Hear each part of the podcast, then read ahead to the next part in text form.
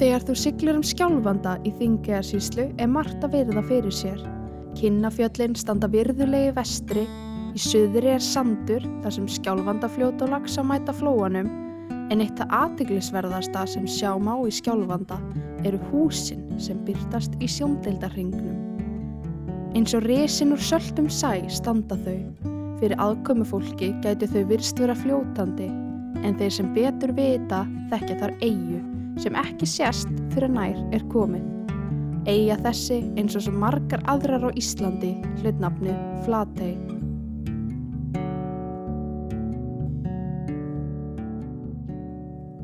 Velkomin í lífið í Flatey, samstarfsverkefni þekkinganets þingahenga, urðarbrunns og þingajarsveitar. Þáttur 1. Líf og leikur í Flatey.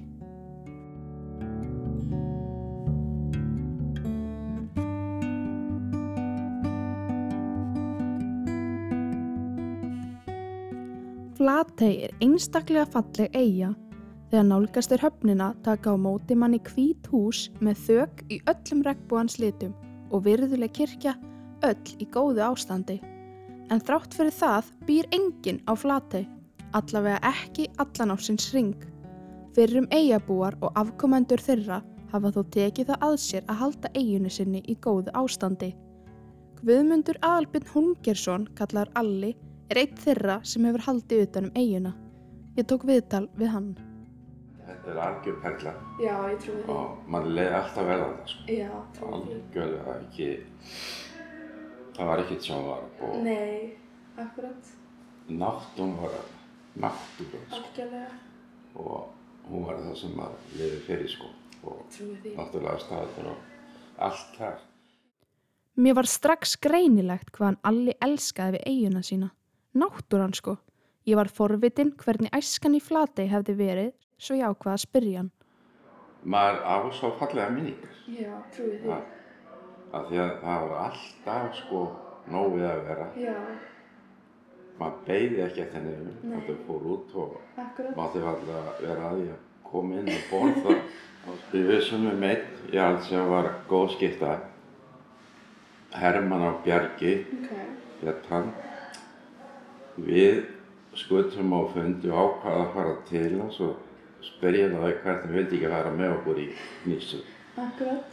en þú sagði aldur 12, Já. 10 og 8 ára sko. og við knúum dyra og stynjum upp erindunum og hann held nú myndi fara með okkur af því að árabótt pappa hann var upp á landi sko. Akkurat. þannig að hann var tiltæk skilur við Já, við förum heim og segjumstu fengið Herman og Bjarki með okkur og vindustur eði til að setja bátum fram. Og við fjóri setjumst undir ára hann sest á byttaþóttana við róum núna hálftíma í áttina þessum með sem bátarnir voru. Já, við sjáum nýsu til að byrja með svona svamla í yfirborðinu. Akkurat. og róum bara að hennu og hann býr sig undir að skota. En hún er bara þarna sko, hún, hún kafar ekkert svam, svamlar bara í yfirborðið. Og við höldum að róa hana þær. Og Hermanna Bjargi þegar við komum að henni, hún fer ekki neitt sko, hún bara svamlar hann er róum bara að henni, hann skiptur henni ekki heldur grípur henni sporðið og drefur henni niður og þann brast í skelli hlátur mikill veiðum maður, mikill að hann um allt bæði skott og þess áttur og fisk Já, Svo haldum við áfram að róa, fáum þrjá nýsir viðbót og róum svo heim á kvöldi. Allir hæstnánaður og sælir já, og þetta var mjög eftirminnilegt. Þessi saga gaf mér ákveðna insýn inn í líf flateyings. Þau virtust vera dugnaðar fólk frá ungum aldri.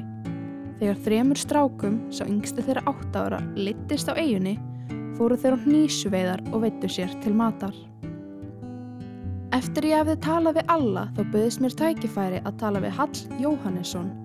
En þó hann var fættur yfir í fjörðum og hefði ekki flutt í flategar fyrir en hann var nýju ára, talaði hann afskaplega fallega um hana. Já, ég, maður, maður fann ekki fyrir einn okkur en einu slíku sko. Það voru alltaf þóra fasta ferðir í land, í land sko.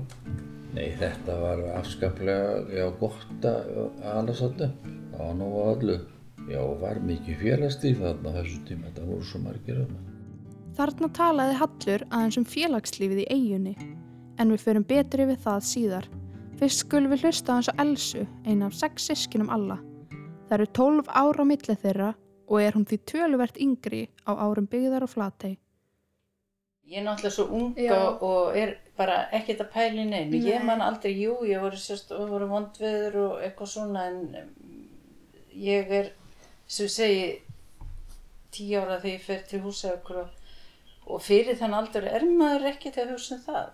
Maður sér það kannski eftir á en það er ekkert sem ég man eftir sem mér hafa fundist erfið.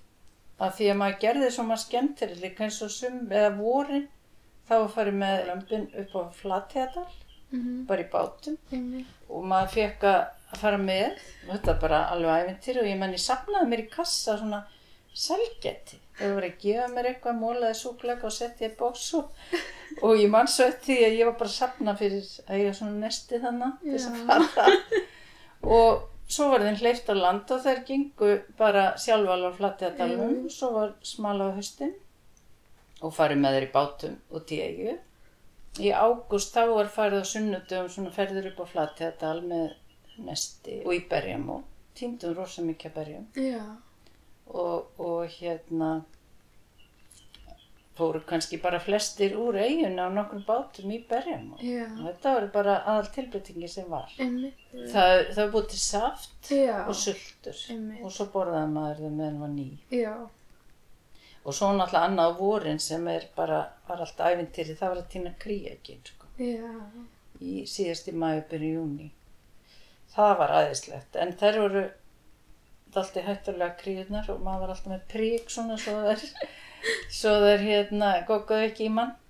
En það var týnt rosalega mikið af kríurgjum og ég man eftir þegar margi voru heima, að það var kannski bara í hátteginu eða já, það var bara fullpottur og sett á borðið bara stórt vaskafatt með kríurgjum og það hvarf Já.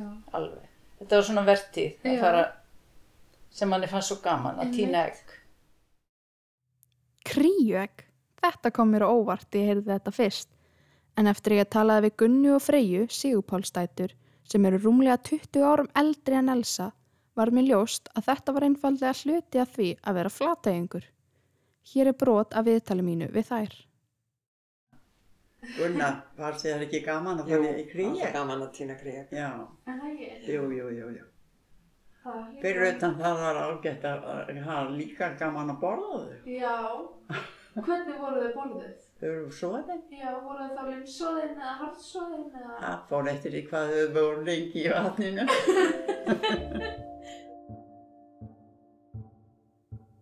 Sisturna byggu yfir einstakri kýmnigáfu, en þrátt fyrir þeirra lífsglaða viðhorf hafði æska þeirra verið langt frá því að vera auðveld. En við förum betur í það í næsta þætti. Nú skulum við halda áfram að hlusta á söguna um kríurnar. Ég man eftir ömmu, hún fór út ömmu Helgu. Já, Hún hafði bleikdisk já, eða og, loka skí, og skílu. Svo var hún ágætt því það er það bara fóru uh, og, Gogguði í pottin. Einmitt. Tókuðu bara honni bleikdiskin Einmitt. og hún slapp. Já, já, ég man eftir henni. Það er greinilegt að kynnslóðabil höfðu engin áhrif á dugnað flatteyinga. En hvað með börnin? Hvernig var daglegt líf þeirra í flattey? Já, farið þér á brekku sem það renna sér, einhvern spör svona. En skauta íþróttin var alveg eignaðið þarna Já. og afar skemmtileg sko. Já. Þess að ég náttúrulega að tala um sko Akkurat. og svakalega skemmtilegt á daginn og setja part dags að fara á skauta og í leiki. Já, já, þetta var þannig að farið á milli og leikið sér og hlusta á músík og þess aftar. Slagbolta. Ha, Slagbolta, Já, Freyja. já, það slapp. Það var dálítið mikið. Kannski yfir, ég man það ekki. Jú, ég man nú aðeins eftir því. Svona Og yfir. veturnar Já. var, var það bara að renna sér skötu. Já. það var ég veist nú ekki hvernig á að segja frá því Jú, Freyja segði frá skautin sem þú. Hvernig varstu, ef ég átti að komast á skauta þá var náttúrulega var eini skautað til sem að bróðum minn átti hann var uh, kominn að heima fullorðinn og hann átti skauta og annarkvört varði ég að vera á þeim skautum eða bara að vera að hanga heima Það er að það er stífulum einhvern. og hann Já. var með ábyggilega svona stóða fætur þetta var, voru skautaðin sem ég var Ég fekk svona að vera með, ég er náttúrulega langt yngst þessu sagði og me- var kannski að leika með eldri krökkum og ég fekk að vera með með því að ég var í stikkri þannig að það var alltaf verið skjótt í rassin á mér, ég var lítur og lengi að hlaupa og það var ekki svona stikkri bara þá var, það var ekki að marka þó einhver Nei. naði mér sko. En ég manið því, fekk allavega að vera með. Já, lífið virðist hafa verið ljúft í flatei. Krakkar léku sér eins og vera ber, þar sem hvorki örbyrð nýja aldurspil virtust hafa áhrif. Í næsta þætti lítum við aðeins betur inn í líf flateingsins og í hinn svo kalla gamla tíma. Hvernig breyttust lífsaðstæður íbúa flategar á síðustu árunum? Komist að því í næsta þætti af lífið í flatei.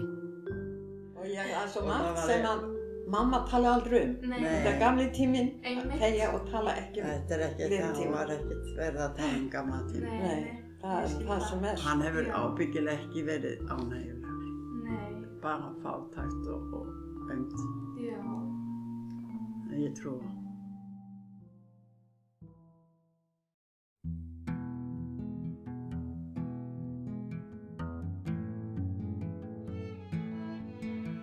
Lífið í Flatey er samstarfsverkefni þekkinganets þingeyinga, urðarbrunns og þingeyjarsveitar.